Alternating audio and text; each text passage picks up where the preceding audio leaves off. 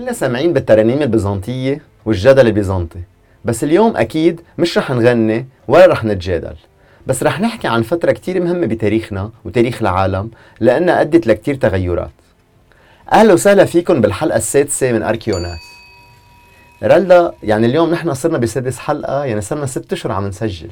أنا صراحة شخصيا استفدت كتير انبسطت كتير إنه عملنا هذا البودكاست سوا وتعلمت كتير إشياء بكل هالفترة. بكل الأبحاث اللي عملناها لنحضر. أنا كمان كثير مبسوطة إنه عم بشارك بهذا البودكاست. آه، أول شيء لأنه عم بعمل شيء له علاقة بالشغف تبعي. وبنفس الوقت كثير مبسوطة إنه عم نقدر نعرف أكثر عالم عدد من العالم عن تاريخ لبنان. منه منه محدد بس بالفترة الفينيقية أو بالفترة العربية ولكن عن كل الأشياء اللي قطعت على الأراضي اللبنانية. مزبوط. هو تاريخ كثير طويل. آه واليوم رح تكون آه رحلتنا بالزمن رح تاخذنا على الحقبة البيزنطية يلي بتمتد من 395 ميلاديا ل 636 ميلاديا. وبس رح نذكر بشغلة إنه ليه نحن هلأ رجعنا على الفترة البيزنطية؟ لأنه نحن إذا بتتذكروا كنا عم نشتغل حسب ما نحن بنشوف طبقات الأرض يعني من الأجدد للأقدم. مثل ما بنحفر مزبوط. مثل ما بنحفر. ومثل ما ذكرنا بالحلقات السابقة كمان إنه العلماء هن اللي بيحددوا هالفترات يعني هن ما إجوا البيزنطيين وقالوا نحن بنبلش هلأ ونخلص هلأ. بقى هول العلماء اتفقوا عليهم بعدين عملوا دراسات قالوا إنه هالفترات لأنه مثل ما قلنا بحلقات سابقة هي صار في أحداث كثير مهمة غيرت مجرى التاريخ مشان هيك بنحددها كفترات لنحدد كل هالإشياء. بالأول حنحكي بشوية مصطلحات شو معناتها بيزنطية؟ هي مشتقة من كلمة بيزنطيوم. وهي مستعمرة يونانية قديمة أسسها رجال اسمه بيزاس. هي موجودة على الجنة الأوروبي من مضيق البوسفور. وهذا المضيق هو اللي بيربط البحر الأسود بالبحر الأبيض المتوسط. والموقع كان مثالي ليكون نقطة عبور وتجارة عند أوروبا وآسيا. ولنفهم أكثر حنرجع بالتاريخ لسنة 330 وقت أعلن الإمبراطور الروماني قسطنطين الأول عن روما جديدة بموقع هذه المستعمرة اليونانية القديمة البيزنطية استمرت هذه الإمبراطورية شي ألف سنة. بوقت كانت الإمبراطورية بالغرب عم تنهار. ظهر تقليد غني بالفن والأدب. سقط الإمبراطورية كمان البيزنطية مثل كل الإمبراطوريات سنة 1453 وقت اقتحم الجيش العثماني القسطنطينية بعهد قسطنطين 11 ومثل كل الإمبراطوريات اللي بتخلق بتتوسع وبتصير كتير كبيرة. توسعت الإمبراطورية البيزنطية مع جوستينيان الأول يلي بوقتها سيطروا فيه على البحر المتوسط وأجزاء من الإمبراطورية الرومانية وشمال أفريقيا وأكيد وصلوا لعنا بالمنطقة. كثير من المعالم الأساسية بناها هذا الإمبراطور المهم وأهمها هي آيا صوفيا وكمان حط القانون البيزنطي. سكان القسطنطينية وبقية الإمبراطورية الرومانية الشرقية كانوا بيعتبروا حالهم رومان ومسيحيين لأنه بنعرف كمان بهذه الفترة كان بلشت تنتشر المسيحية بالعالم وهن كمان بيحكوا كانوا اليونانية مش اللاتينية وبيعتبروا حالهم هن جزء مكمل للإمبراطورية الرومانية. بس هيك بحب أذكر شغلة إنه وقت بنسمي تسمية بيزنطيين وهيك مش هن إنه وعيوا بنهار من الأيام وقرروا هذا التاريخ المعين ونحن بنسمي حالنا هيك. هن دائما كل الأباطرة اللي اجت بال على قسطنطينية. وحكمت هي كانت تعتبر حالها هي رومانية وحابة تسترجع أمجاد الماضي. هلأ أكيد نحن مش حنقدر نحكي عن كل التاريخ لأنه اللي بهمنا أكثر هو لبنان ومواقعه الأثرية لأنه هذا البودكاست هو عن الاركيولوجي بلبنان يعني. بس في حدثين مهمين هن أثروا على هذه الإمبراطورية البيزنطية. أول حدث واللي ما كانوا متوقعين أول حدث هو طاعون جوستينيان سموه على اسم هذا الإمبراطور لأنه صار بالفترة اللي كان حاكم فيها. صار بسنة 541 والبعض بيقولوا 549 ذكر المؤرخ البيزنطي بروكوبيوس عن إنه هذا الوباء شافه أول مرة ب 541 بمينا بالقرب السويس بمصر. وبذروته حسب بروكوبيوس إنه حصد 10000 شخص بالنهار بالقسطنطينية يوميا. وما بنعرف صراحة قديش هذا الرقم دقيق. وكمان شغلة قد ما كان عدد الموتى كان كتير كبير ما قدروا يدفنون وتركت الجثث كلها مكدسة بالطرقات. بعض المصادر بتقول إنه تفشي هذا المرض بالقسطنطينية انتقل على المدينة عن طريق الفئران المصابة على متن السفن اللي جاية من مصر. لأنه كانت المدينة بتعوز دائما لحبوب وهذه الحبوب كان مصدرها كلها جاية من مصر. بقى كانوا هول الفئران هن الطريقة لانتقل فيها المرض ووصل على القسطنطينية. وبعض المؤرخين بيقولوا إنه هذا الطاعون أدى لوفاة لأكثر من 15 ل 100 مليون شخص يلي هو هذا رقم هايل بوقتها يعني كان بشكل 25 ل 60% من سكان أوروبا. بس هذا الحادث في دراسات كتير بتقول إنه رقم مبالغ فيه. يعني الكورونا بظرف كم سنة أدت لموت تقريبا 6 ملايين شخص. مزبوط وغيرت كمان بحياتنا اليومية فهيدا في يكون فاصل آه، كمان بعدين بالتاريخ نكتشفه مع الوقت لأنه صرنا نحط ماسك كنا نشتغل بالبيوت آه، ما نتجمع بالأماكن المسكرة فهيدا شيء كمان أثر على حياتنا اليومية. وهذا دليل أنه في ناس مفكرة أنه كانت الكورونا هي كان أول مرة بيجينا هيك وباء كتير كبير عالمي لا صار في كتير أوبئة وهذا جوستينيان هو كان من أصعب الأوبئة بهذيك الفترة لأنه كمان أثر على تمدد الإمبراطورية البيزنطية. وقت كان جوستينيان حاكم هو كان عنده حلم كتير كبير يسترجع أمجاد الإمبراطورية الرومانية الغربية ويرجع يتوسع بهذه المناطق يرجع ياخذ إيطاليا وصحر المتوسط. بقى اجى هذا المرض هذا الوباء الغير متوقع وقضى له على هذه الأحلام. وأثر كتير على تطور هذه الإمبراطورية. آه، بتشير الأعمال الأثرية الحديثة إنه في مدن هجروها الناس بالكامل. حتى بمناطقنا نحن مثل مصر سوريا وفلسطين والعراق وأكيد لبنان كان ضمنهم إنه في كتير ناس هجرت من هذه المدن بسبب كل هيدي الأوبئة اللي صارت موجودة بالمنطقة. كمان لتزيد التين بلة إجاهم كمان زلزال على القسطنطينية ب 557 صار هذا الزلزال بكانون الأول وسبقه زلازل صغيرة. بنعرف نحن رلدا أنه هذه المنطقة معرضه كثير للزلازل. بقى كان هذا الزلزال مدمر إنه تقريبا دمر المدينة بالكامل. تسبب هذا الزلزال بتدمير قبة آيا صوفيا. اللي حكينا عنها قبل شوي البناها قسطنط البناها آه، جوستينيان هيدي القبة بعد سنة قربت كلها على الأرض. مع إنه هي كان عندها بعتقد اركيتكتور كتير مدروسة. ما كانت معمولة بطريقة اعتباطية. مزبوط هذا بخلينا نتخيل قد إيه كان حجم الزلزال كان مدمر.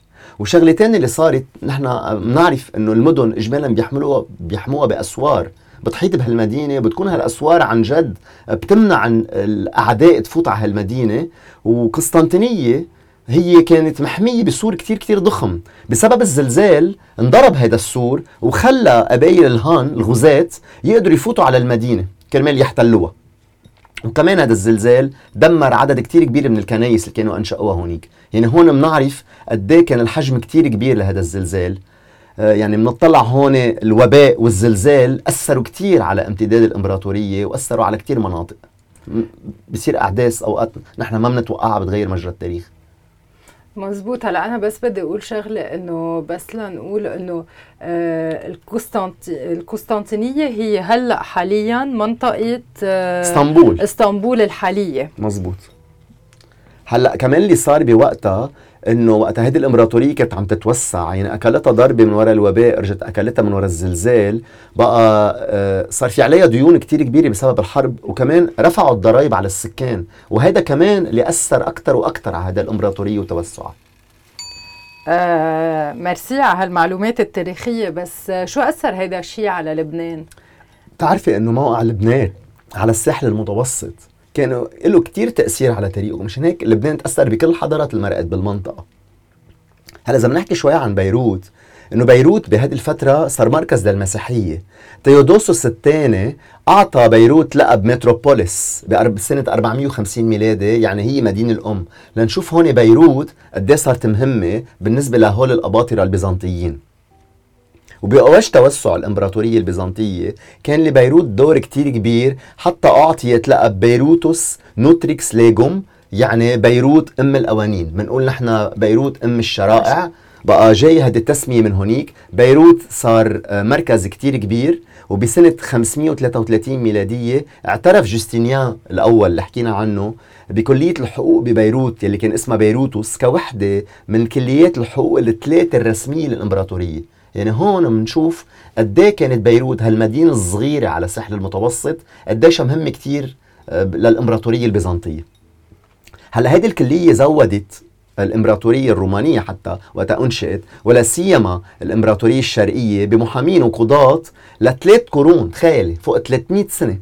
لحتى ما اجى كمان زلزال على بيروت ودمرها ودمر كليه هالحقوق بقى ب 551 نقلوا صار في زلزال كتير كبير ببيروت بيقولوا إنه مات حوالي 30 ألف طالب ودمرت مدرسة الحقوق ونقلوهم آه، على صيدا. هلا هون بس سؤال انت آه، نحن بنعرف وين موجود موقع مدرسة الحقوق تبع مدرسة الحقوق يعني؟ هلا هو صار في كتير دراسات مع مطلع القرن العشرين حددوا هذه المنطقة وين معقول تكون معقول موجودة مدرسة الحقوق. في حفرية انعملت بين كاتدرائية آه، مارجاورجوس للروم الأرثوذكس وكاتدرائية آه، مارجاورجوس للموارنة واكتشفوا نصب بسموه funéraire stèle يعني نصب جنائزي مقدم لأستاذ بالحقوق من القرن الخامس اسمه باتريسيوس.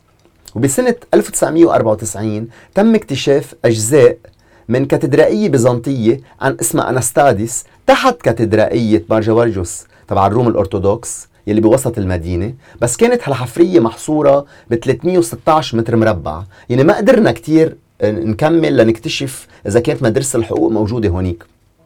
بحسب مصدر شخص اسمه زكريا سريتو هو من القرن الخامس حدد إنه هيدي الكلية موجودة بالقرب من معبد الله يلي هيدي آه، آه، كاتدرائية انستازيا هلا على أمل إنه يصير في حفريات بعدين ونقدر عن جد نقدر نطلع أجزاء آه، من مدرسة الحقوق يلي اهميتها الكبيرة بهديك الفترة.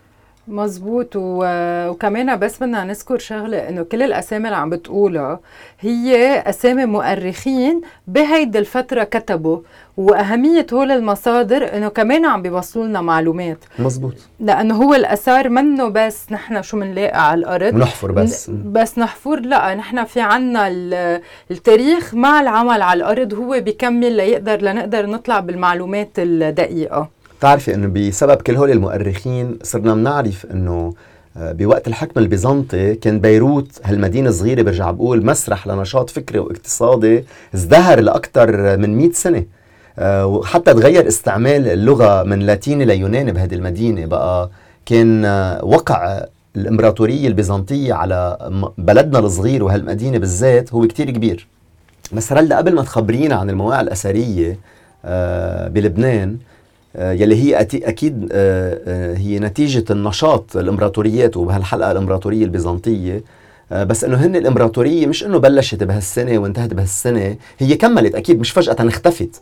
بقى كملت تدريجيا صارت تنهار لوصلنا ل 1453 واجوا العثمانيين. بس كل هالفترة وقت كانوا عم بيطلعوا العرب الإسلام يلي عم بي عم بيتوسعوا بالمنطقة أكيد صار في صراعات بيناتهم. وهي كل الاثارات اللي عم نحكي عنها البقايا البقيه هي نتيجة هذه الصراعات آه، بين الفن والعمارة وكل القصص اللي عملوه والحروب اللي عملوها بين بعض. فهلأ إذا فيك تخبرينا عن شوية مواقع أثرية على طول لبنان. لكن بعد ما أعلنت قسطنطينوبل آه، عاصمة آه، الإمبراطورية البيزنطية بلشت العمارة والفن البيزنطي ينتشروا. هلأ بالنسبة للعمارة البيزنطية في عندها خصائص. أول شغلة في عنا أكيد الكنايس اللي هن آه، architecture أو bâtiments كتير مهمين بهيدي الفترة.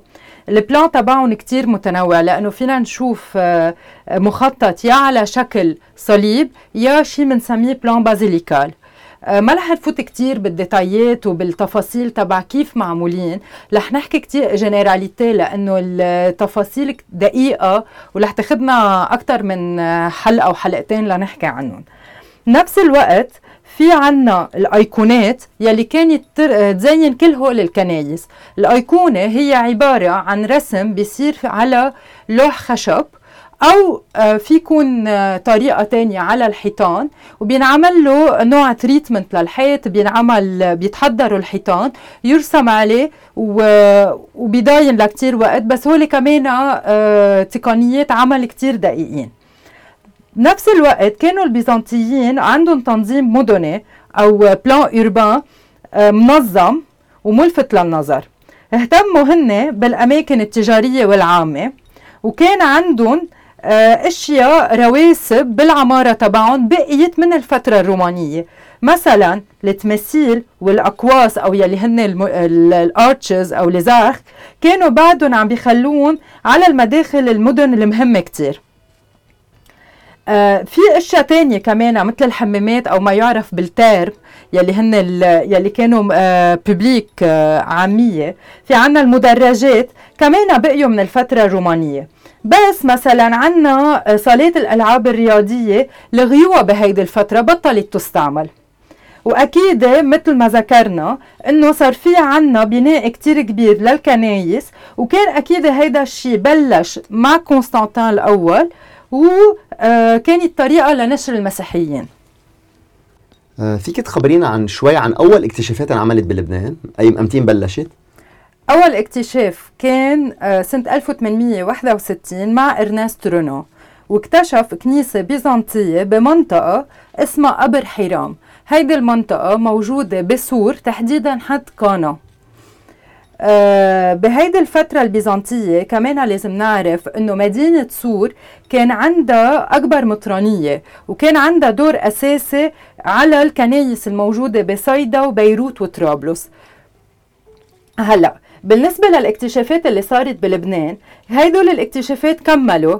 آه بعد ارنست رونو كان في عنا موريس شهاب يلي سنة 1958 وال 1959 اكتشف موزاييك أو فسيفساء بكنيسة بمنطقة الزهراني. وبعدنا نحن على طول بمنطقة الجنوب. وأثار للكنايس تانية مثل بخلدة بشويفات وبعين السمكة. وأكيد الحفريات بعدها كتير عم بتكمل وصار في عنا بعثات من غير لبنان في عنا آه، فرق لبنانية وبعثات أجنبية كملوا عمل لنلاقي أشياء كتيرة. هلأ أنا اليوم ما رح أحكي عن كل شيء لأنه أكيد ما فينا نغطي كل المواقع. رح أحكي عن آه كنيسة قبر حرام. رح أحكي عن كنيسة بمعاد ورح أحكي عن بعض التقسيمات التنظيم المدني يلي هي كانت بالمناطق سكنية أو مواقع سكنية عايشوا فيها العالم بهيدي الفترة. لكن كنيسة قبر حرام هي كنيسة آه، موجودة مثل ما قلنا بسور. على الأرضية تبعها تلاقى فسيفساء كتير كبيرة. الفسيفساء مثل ما قلنا هي الموزايك. تقريبا قياسها آه، 115 متر مربع. وقت اكتشفوها كانت كلها مغطاية بأعشاب. فكل الفرقة اللي كانت معهم آه، مع ارنست رونو قاموا بتنظيف هيدا بهيدول الأعشاب وأخذت تقريبا أربع أيام شغل وتنظيف. اللي هذا رلد نحن دائما بنعمله وقت نوصل أصلا على موقع أثري. أول شغلة بنعملها آه، إنه بننظف هلا أوقات بهذا العصر هلا مثلا بنلاقي بلاستيك وأشياء زبالة كبينا بقى بننظف كل هالأشياء قبل ما نبلش آه، نحفر أو نعمل دراسة.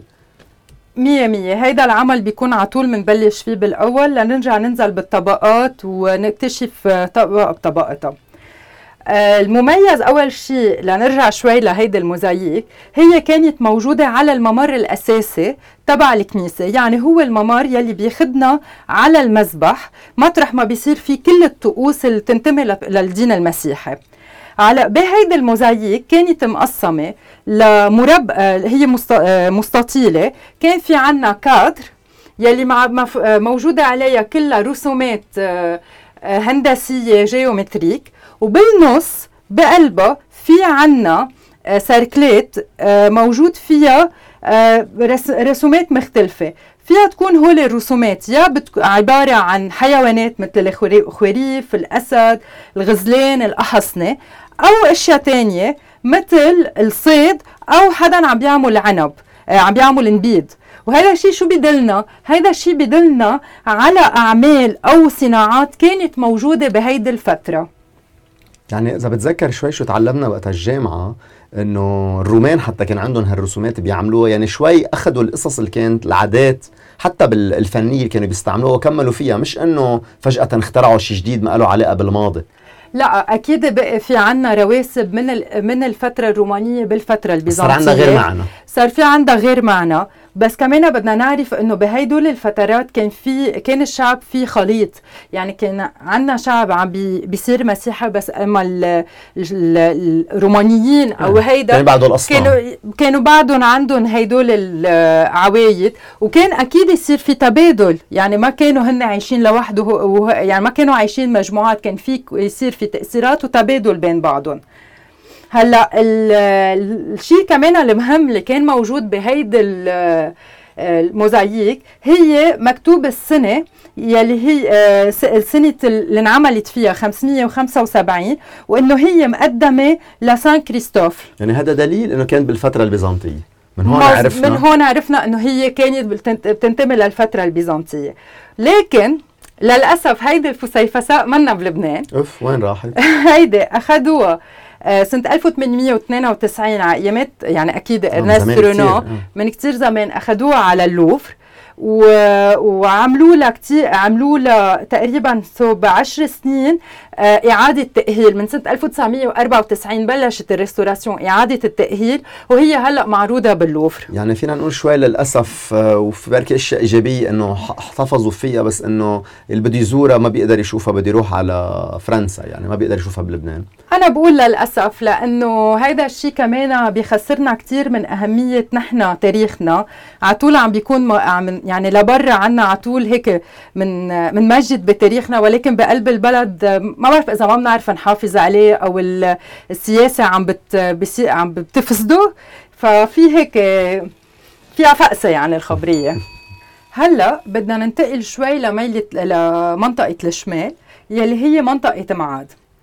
آه، بمعاد صار في حفرية سنة 1947 لقينا كنيسة. هيدي الكنيسة فيها أثرات بتعود للفترة الرومانية وبالتحديد للقرن الثاني ميلادي. عرفنا هيدا الشيء من خلال شكل العواميد الموجودين فيها. حولت الكنيسة ماخورة من منطقة إديسة لكنيسة مؤلفة من ممر رئيسي وممرين ثانويين يلي هو نحن بنعرفهم بشيء اسمه nef آه nef principale و nefs latérales هلأ على الممرات في عنا على الممر الرئيسي في عنا موزاييك أو فسيفساء فيها رسومات هندسية géométrique آه، بتنتمي للقرن يا الخامس يا السادس. بس هلأ يعني إذا بنطلع حكيتي بالجنوب وحكيتي بالشمال عم نشوف تقريبا نفس الاشياء هذا دليل إنه على وجود هذه الإمبراطورية أو الناس اللي تأثرت فيها بهذه المنطقة إن كان بالشمال ولا بالجنوب هلأ لبنان كثير صغير. بس إنه إنه من الشمال للجنوب هي مسافة كثير كبيرة وفيها ناس موجودين هون وناس موجودين هون.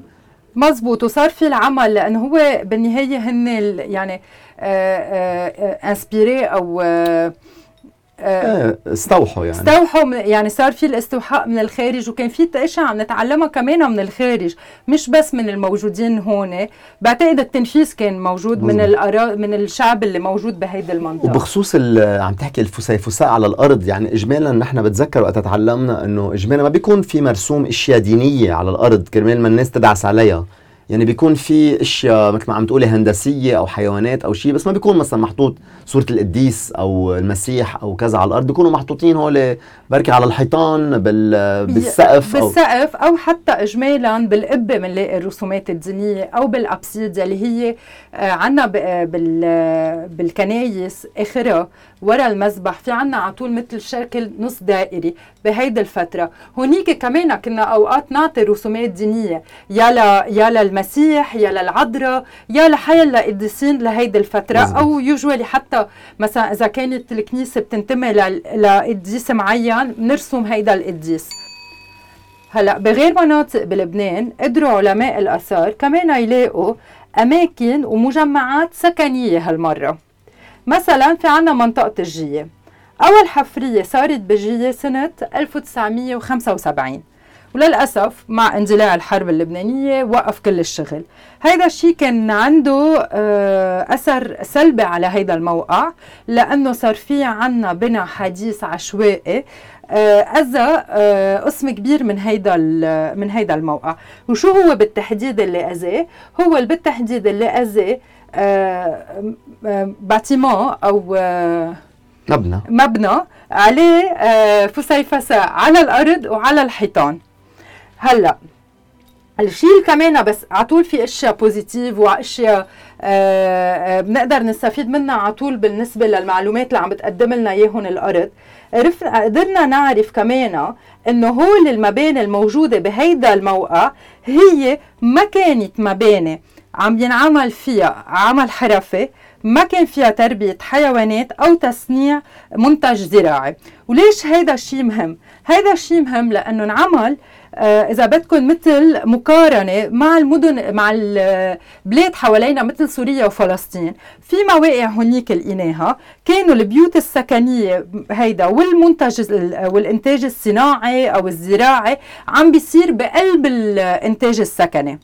ولكن هون بهيدا الموقع بجي ما لقينا هيدا الشيء وكيف قدرنا كمان آه، قدرنا يعني عم نحكي عن علماء الآثار اللي اشتغلوا على هيدي الحفرية وهي لنذكر إنه رجعوا اشتغلوا عليها بال 2008 مع البعثه البولندية. كيف عرفوا وقدروا يستنتجوا هيدا الشيء لأنه لقيوا معاصر نبيد قريبين من المقابر تبع هيدي المدينة ولكن آه، وبعيدة عن المنطقة السكنية. بعيدة نسبيا يعني عن المنطقة السكنية. يعني هذا دليل إنه مش دائما كنا بنعمل فسيفساء موزاييك بالناس مثلا بالمحلات الدينية أو عند بالقصر الأمير. يعني كنا بنعملهم بمحلات تانية كمان يعني.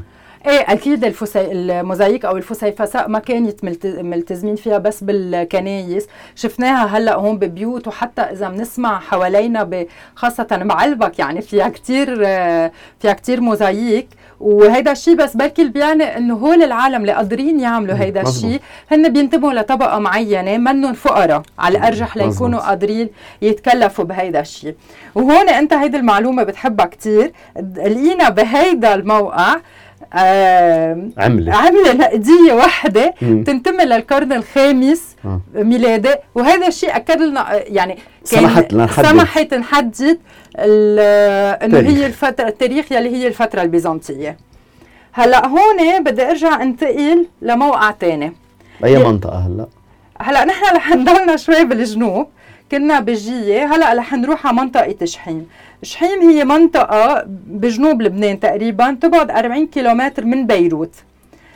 آه سكان الموقع سكن الموقع عالم من الفترة ال âge de fer أو ما يعرف بالفترة الحديدية. عصر الحديدة يعني. عصر الحديدة أو إذا بدنا فينا نقول إنه هي نحن شو بنعرفها بالفترة الفينيقية. هلا بالنسبة لهيدي المعلومة اللي كتير دقيقة. آه يلي هي إنه موقع ينسكن لفترات طويلة فيها تكون بتبين إنه الأرض هي أرض آه آه خارج زراعة بنقدر يعني بيقدر الإنسان يعيش فيها بطريقة كتير هينة. يرجع يستعملها يعني. يرجع يستعملها. ما هجروها بالكامل يعني. مزبوط. آه وبهيدا الموقع المميز فيه إنه قدرنا نشوف آه عوامل معينة آه كيف انتقلنا من العادات الرومانية للعادات البيزنطية. نحن ك... كعلماء آثار على الأرض كيف عرفنا هيدا الشيء نحن شفنا في بهيدا الموقع معبد روماني. أما بالفترة البيزنطية استعمل كمحلات تجارية أو لإنتاج تجاري. يعني نحن تخلينا عن فكرة أنه المعبد هو محل آه، من مارس فيه طقوس بطل مقدس من مارس فيه طقوس. غيرنا له استعماله. غيرنا له استعماله. وبنفس الوقت آه الحلو كمان بهيدا الموقع إنه لقينا معصرة نبيد ومعصرة زيتون وهيدا الشيء بدل إنه الأرض أكيد خصبة وانتاج بتقدر تعطينا إنتاج كبير. ولقينا بطبيعة الحال كنيسة بيزنطية مغطى أرضها بالموزاييك قصدك بهذا الموقع لقينا كميات كبيرة من المعاصر. لا مش بهذا الموقع. آه رح ننتقل لمنطقة الزعرور.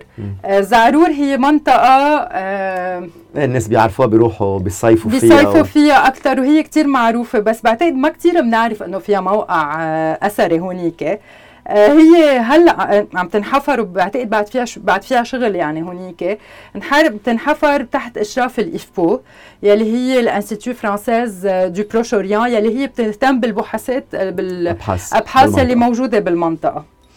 بمنطقة الزعرور لقينا كمان مباني من الفترة البيزنطية مثل الحمامات يلي سميناهم بالأول يلي هن التار وفي عنا آه في عنا كمان معصرتين نبيد وهون لقينا تقريبا بحدود 600 و 800 600 ل 800 جرة تنبيد وهذا الشيء أكيد بدل إنه كان في صناعة نبيد مش حدا كان مخزنهم ببيته. collection عامل يعني. لا ما كانت collection هيدا نبيد آه فكانت هيدا هيدا الشيء دليل كتير كبير إنه كان في إنتاج لهيدي للنبيد بهيدي المنطقة.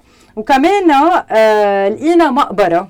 هيدي المقبرة آه فيها ست توابيت. هول التوابيت معمولين من حجر. ومن وين جبنا الحجر؟ الحجر آه جبناه من مقلع حدهم. لأنه هون بدنا نذكر شغلة. إنه نحن ما عندنا بوقتها أكيد لا تراكتورات ولا كاميونات. so كانوا الحجر بدهم ينجابوا من محل قريب. وبدنا نقصبهم يعني بدهم يتقصبوا وينجابوا. فعلى الأرجح آه، كل موقع مش كل موقع أثري لما عمي عدد كبير من المواقع الأثرية بيكون في حدها مقالع حجر. حتى فينا نذكر هون بعلبك. يعني هي في أشياء من أشياء موجودة مقلع بالمنطقة وفي أشياء استوردوها مثل العواميد مثلا.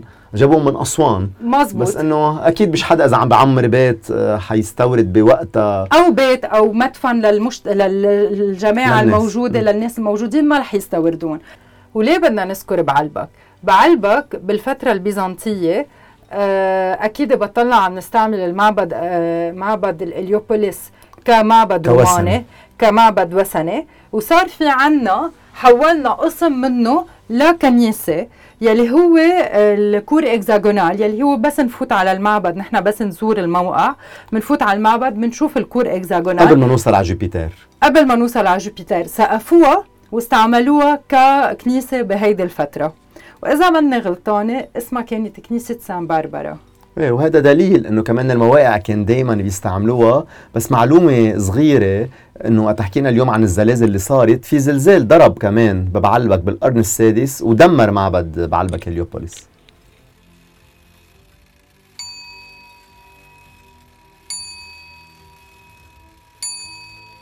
وهلأ بننتقل لفقرة اركيو نيوز مع نعمة. شو في عنا أخبار جديدة اليوم؟ كلود يعني مثل ما سبق وذكرته انت ورالدا كنتوا عم تحكوا عن الطاعون. مزبوط آه هلأ اليوم يعني رح نخبر خبرية مهمة عن كلها أمراض بأمراض. عن هيدا عن هيدا الوباء آه، قدرنا نكتشف عنه شيء جديد بعلم الآثار. لكن اليوم خبريتنا يا كلود بتهم كل يلي مهتمين بتاريخ الأوبئة بالعالم. آه ومثل ما بتعرف نحن عشنا آخر سنتين آه، مأساة وصدمة آه، وباء كورونا. هون اسمح لي قبل ما نبلش نعزي كل يلي خسر قريب أو صديق أو حبيب بهالوباء. أكيد بنعزي كل الناس اللي خسروا عالم. آه كلود مثل ما كلنا بنعرف إنه كورونا هو مش أول وباء بيصيب البشرية مثل ما البعض كان مفكر. قبله كتير أوبئة مرت على البشرية وكان أصلا مجهول. اليوم نحن بنعرف وباء كورونا من وين بلش وكيف تفشى. بس قديما ما كنا نعرف غير هبطف انصبنا بالفيروس. لا كنا نعرف لا شو أصله ولا شو فصله بس اليوم مع تقدم العلم والأبحاث والاكتشافات بهالمجال عم نقدر نحدد أصول اوبئه تسببت بوفاة الالاف عبر العصور. آه، دخلك نعمة شو خص علم الآثار بالأوبئة؟ شو الرابط بيناتهم؟ أه معك حق كلود تسأل هالسؤال وأكيد المستمعين أه هلأ يمكن عم بيتساءلوا ذات السؤال خلينا بس ما نستبق الأمور نمشي خطوة خطوة وهذا السؤال أكيد راح نجاوب عليه بآخر الفقرة آه، خبريتنا اليوم عن وباء الطاعون يلي تفشى بأوروبا بالقرن الرابع عشر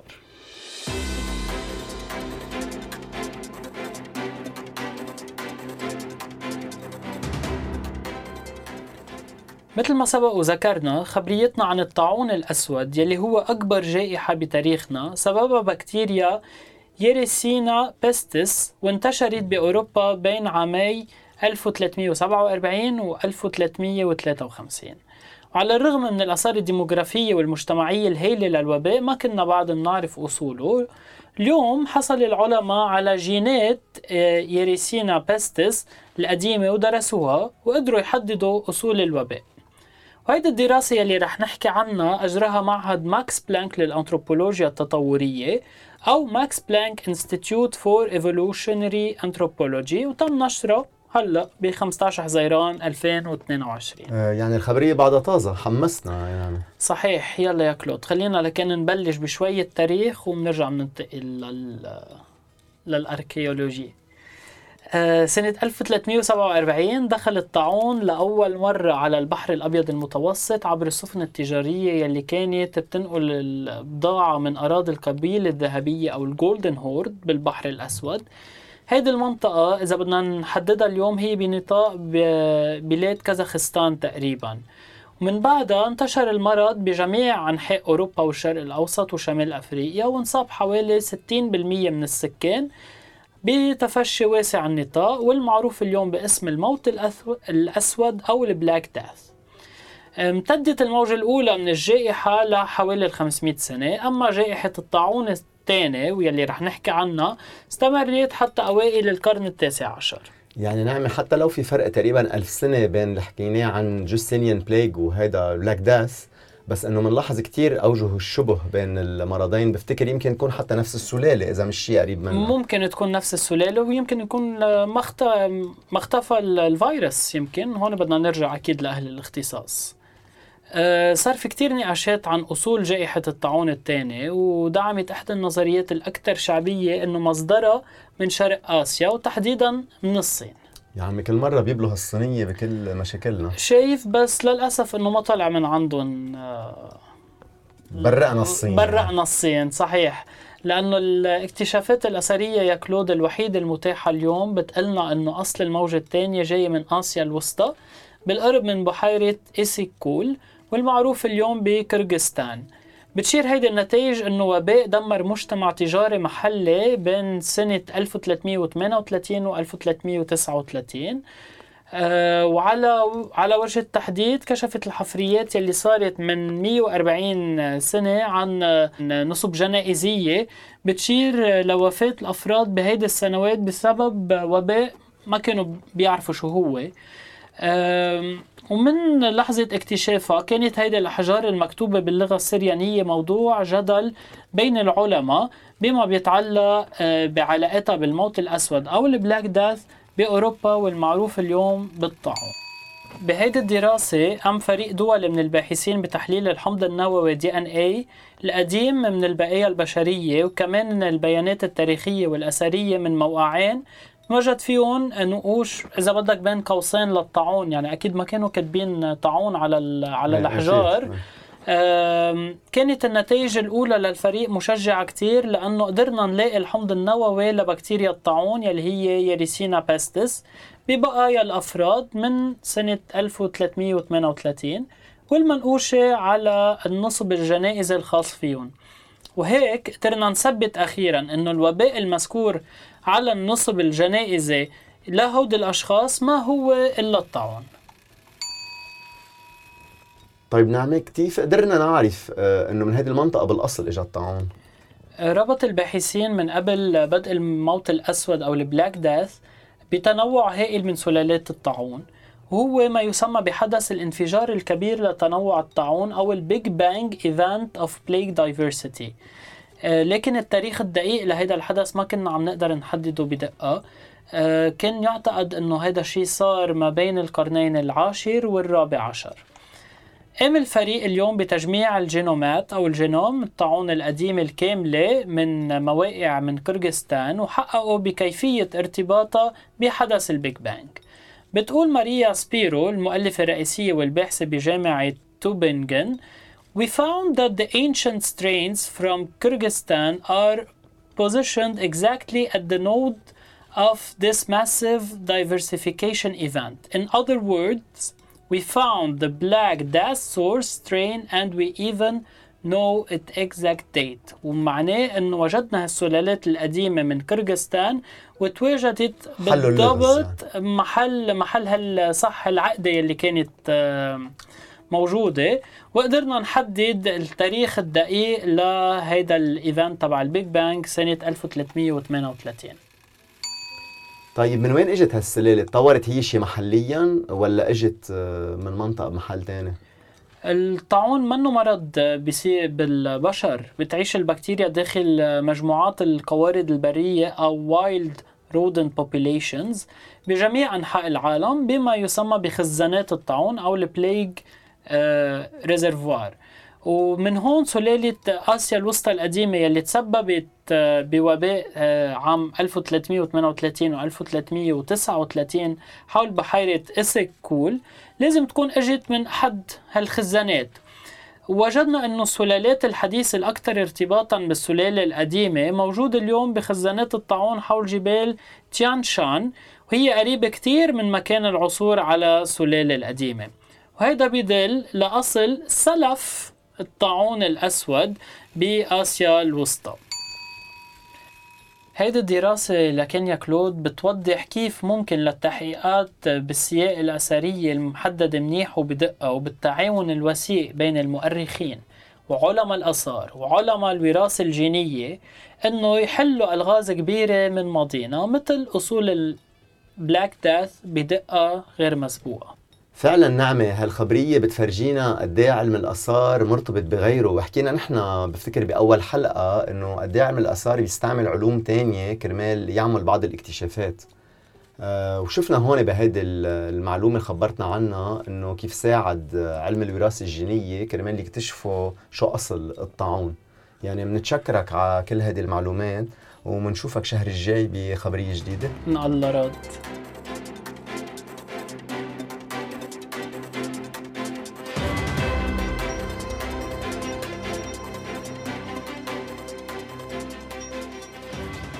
وهلأ بنكون وصلنا لآخر الحلقة.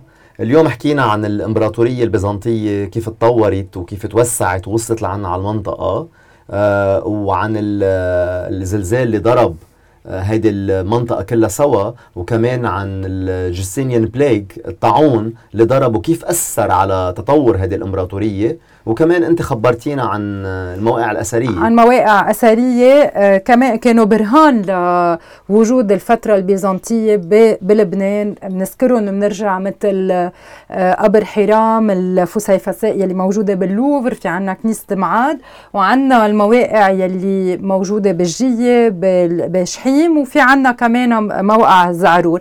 هول كلهم كانوا أدلة على الأرض بتثبت لنا إنه كانت موجودة الفترة البيزنطية عنا على ما يعرف هلأ بلبنان وكمان خبرنا نعمة عن كمان الطاعون يلي صار بالقرن الرابع عشر كيف ضرب كمان أوروبا وأدى لموت كتير من الناس. آه، بقى بنتشكر كل المستمعين اليوم. بنشوفكم الشهر الجاي. تابعونا على انستغرام فيسبوك وتويتر. at Arkeonas. Bye. Bye. Bye.